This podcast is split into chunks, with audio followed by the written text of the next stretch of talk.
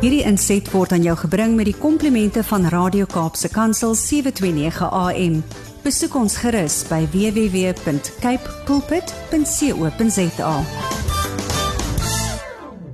Ja, Gerda, ons praat 'n baie baie lekker tema wat jy hierdie 'n maand gehardloop het en baie dankie vir jou moeite wat jy ook met elke insetsel gedoen het en die en die en die raad en die dinge wat jy rondom dit ingebring het en ek wil graag vir die luisteraar daar buite wat nie vir elke episode ingeskakel was in um, in in ag in, in Oktober nie, net so 'n bietjie 'n samevatting gee oor presies waar ons gesels het asseblief Gerda.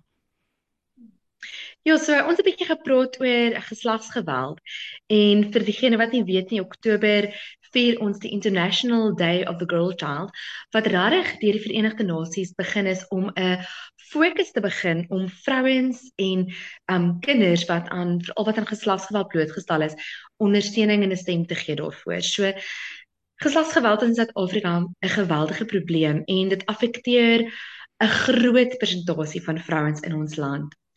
Nou in Suid-Afrika het ons 16 Days of Activism wat hier in Desember plaasvind en ons verskillende bewusmakingsveldtogte reg deur die jaar. Maar ek glo regtig dat ons eintlik op grassroots level hier by my en jou hierdie ding moet takel. Want weet jy Andre, dit raak elke een van ons. Selfs al is jy nog nooit direk deur geslagsgeweld aangeraak nie of jy was nog nooit 'n slagoffer daarvan nie, ken jy waarskynlik iemand wat daardeur aangeraak is of Is jy die kind van iemand wat daardeur aangeraak is of is een van jou kinders miskien weerloos? En daarom glo ek dat ons werklik 'n standpunt moet inneem as gelowiges daarteen. Dis 'n saak waarby ons betrokke kan raak. Ons kan ons kan onsself um, in 'n posisie sit waar ons mense kan beskerm. Ons kan organisasies ondersteun wat mense beskerm. Maar dit is ook vir my belangrik dat vroue en um, kinders wat blootgestel is aan hierdie omstandighede weet dat daar vir hulle 'n hoop is dat daar vir hulle 'n plek is waar hulle kan gaan waar hulle hulp kan kry. En en dan natuurlik is die jy weet ek glo met alles in my hart dat om hierdie ding wortel en tak uit te roei, moet ons begin met ons mans. Um weet jy mans word in die media deesdae so sleg uitgebeeld en hulle word uitgebeeld as hierdie patriargale stelsel wat net 'n doel het om almal in die wêreld te onderdruk. En dit is so 'n valse prentjie van wat die Here van mans um gemaak het. Jy weet, die Here het mans gemaak om om die beskermers te wees en die voorsieners te wees. En as mans in daardie goddelike rol kan intree en hulle verstaan dat hulle nie net finansiëel moet voorsien nie, maar dat hulle ook emosioneel moet voorsien en dat hulle ook hulle vrouens en hulle kinders moet beskerm. amper soos 'n um jy weet soos 'n hoender onder haar vlerk oor kykens neem. Ek kry altyd daai prentjie. Hmm. Daai nurturing care and protection. Hoe belangrik dit is. Um dink ek gaan ons regtig 'n verandering sien in ons gemeenskappe. Nou geslagsgeweld is diep diep gein in ingrained is nou die Engelse woord in ons samelewing vir verskeie redes, maar een van die redes is die patriargale stelsel waarin ons gebore word. Die reël wat sê dat um mans is reg, nooit verkeerd nie en en word dit 'n toksiese gedagte begin raak en 'n toksiese geloof of oortuiging begin raak. Daar is in daardie gemeenskappe waar ons regtig sien dit het 'n 'n groot groot groot impak. Hmm. So as jy vasgevang is, jy luister op 'n dag en jy is vasgevang in enige vorm van geslagsgeweld, onthou dit kan fisies wees, seksueel, finansiëel of emosioneel wees. Moet jy weet dat jy die reg het om enige tyd na jou polisiekantoor toe te gaan. Nou wil ek by sê een van die groot dinge wat gebeur en ek het self met baie vroue gewerk al wat hierdie te gevolg het. Jy gaan polisiestasie toe, jy vul 'n beskermingsbevel in, jy kry dit, maar dan wanneer die persoon teen wie jy dit ingevul het, nader kom aan jou, gebruik jy dit nie. 'n beskermingsbevel is net effektief as jy bereid is om dit te gebruik. En ek weet emosies speel 'n rol. Hmm. Ek weet daar is um gevoelens miskien van liefde en omgee wat jy het vir die persoon wat jou misbruik. Maar jy moet jouself beskerm want jy wil 'n breek maak. Weet dit is baie ooglopend vir my as ek met mense in die praktyk werk en ek kyk na hulle geskiedenisse en ek kyk na hulle familiegeskiedenisse hoe geslagsgeweld iets is wat van een geslag na die volgende geslag na die volgende geslag te deurkom. Maar waar een mens braaf genoeg was om te sê ek staan nie hier voor nie, hmm. verander dit vir generasies daarna. En ek wil jou regtig aanmoedig, ek weet dis moeilik ons leef in moeilike tye en jy voel dalk baie afhanklik van die persoon wat jou op 'n slegte manier hanteer, gewelddadig op op enige manier. Jy voel jy kan nie sonder hulle leef nie want hulle hulle het jou 'n finansiële wurg greep, nê? Jy kan daar uitkom. Dit gaan nie 'n maklike pad wees nie, maar dit is moontlik.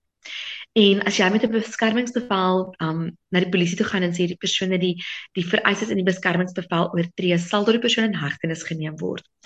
En en ek dink baie keer dink 'n mens, "Jogg, dis bietjie drasties. Dit hoef nie so drasties te wees nie." Maar ek gaan nou 'n baie skokkende statistiek gee.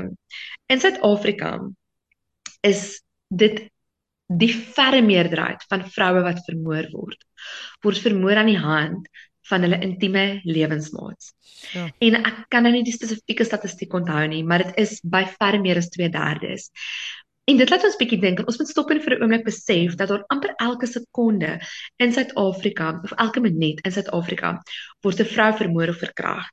Dis verskriklik.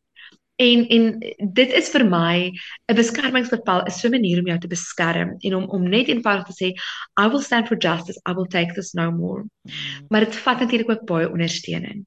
So wat het ons in Suid-Afrika beskikbaar? Ons het 'n departement vir maatskaplike dienste waar jy kan gaan aanklop. Jy kan deur die polisie by hulle aankom, maar meeste kerke weet ook wie is die maatskaplike werkers in die area wat jurisdiksie het wat jou kan help om weg te kom. In die Wes-Kaap is ons baie geseënd. Ons het regtig ongelooflike shelters en ons het wonderlike plekke waarheen vroue kan gaan.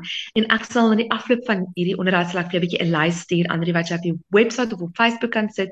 Fantasties. Maar waarheen vrouens kan gaan as hulle nodig het om uit omstandighede uit weg te kom sodat hulle kan weet hulle is veilig. Daar's 'n proses van rehabilitasie wat plaasvind en jy word vaardighede geleer sodat jy op jou eie voete kan staan.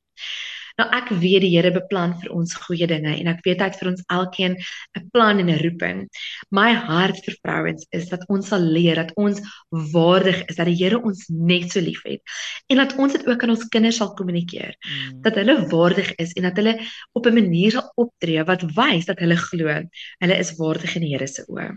Ja, en ek dink ook Gerda, dit is so belangrik ook ek ek is 'n ma van 'n seun en 'n dogter en ehm um, weet jy praat nou hier goed in my hart wil sommer begin weet insink en hy raak so seer om te dink hoeveel mense daar buite is wat in weet geslagsgeweld betrokke en vasgevang is en dis my werk ook as ma om met vir my seun te verduidelik hoe om met 'n vrou te werk, om met respek te werk en dis presies wat jy sê dit is nie net mans teenoor vrouens nie, dis baie keer vrouens teenoor mans ook. En ek dink die groot vraag vir my um, van my kant af is so 'n persoon wat in geslagsgeweld vasgevang word is baie keer aan die hand van 'n narcissus. En ek dink dit is ook 'n onderwerp waaroor mense heeltemal omtrent om 2 maand 3 jaar omtrent oor kan gesels. Maar ehm um, so baie keer en jy het dit genoem ook nou nou is dit daai persoon word dan vasgevang in 'n finansiële plek waar hulle actually nie kan uitklim nie op 'n emosionele plek wat 'n houvas het op hulle. En ek wil regtig net weet en ek dink dis iets wat wat jy ook nou self my kan bevestig, maar daar daar is hulp en uitkoms vir daai vrouens. Dit lyk net onmoontlik waar hulle sit. Ek meen as ek myself moet ja. vat as ek finansiëel afhanklik is van iemand, ek het kinders, ek het nie 'n werk nie, hy het my in so 'n posisie gesit dat ek dit nie kan doen nie. Hoe kom 'n mens daar uit? Wat is jou eerste stap? Die heel eerste ding, Andri, is dat iemand besef hulle is in 'n situasie. Nou, wanneer jy praat van narcissiste, hulle gebruik 'n baie slim tegniek. Dit is in Engels noem ons dit gaslighting. En ons het net nie 'n lekker Afrikaans ekwivalent daarvoor nie, maar wat gaslighting is, is dat jy ervaar iets op 'n sekere manier, maar die narcis oortuig jou dat dit glad nie so is nie. Dis byvoorbeeld, um jy weet, hulle sal na ander vrouens kyk en hulle sal byvoorbeeld um aan ander vrouens raak of die tipe ding en dan sal jy vir hulle sê, hoorie, maar jy het nou dit gedoen, dan sal hulle sê, nee, maar jy verbeel jou. Jy's heeltemal mal. Kan jy dit het nie gebeur nie. Ek het haar gehelp om 'n splinter uit haar voet uit te haal.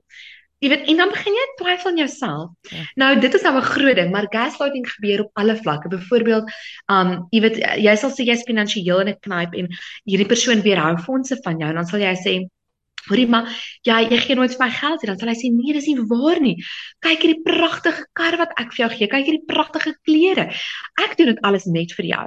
Maar intussen tyd beheer daai persoon watter kar jy het, watter klere jy aankoop. Jy weet en en dit is dit wanneer jy besef daar's beheer en ons manipulasie. En weer eens, ag, oh, dit is so subtiel nê, maar as jy dit kan identifiseer en jy kan uitkom by iemand en ek dink altyd 'n goeie plek is om te begin by 'n beraader of by 'n sielkundige waar jy net kan kom en sê ek wil net met iemand praat en hoor is ek mal.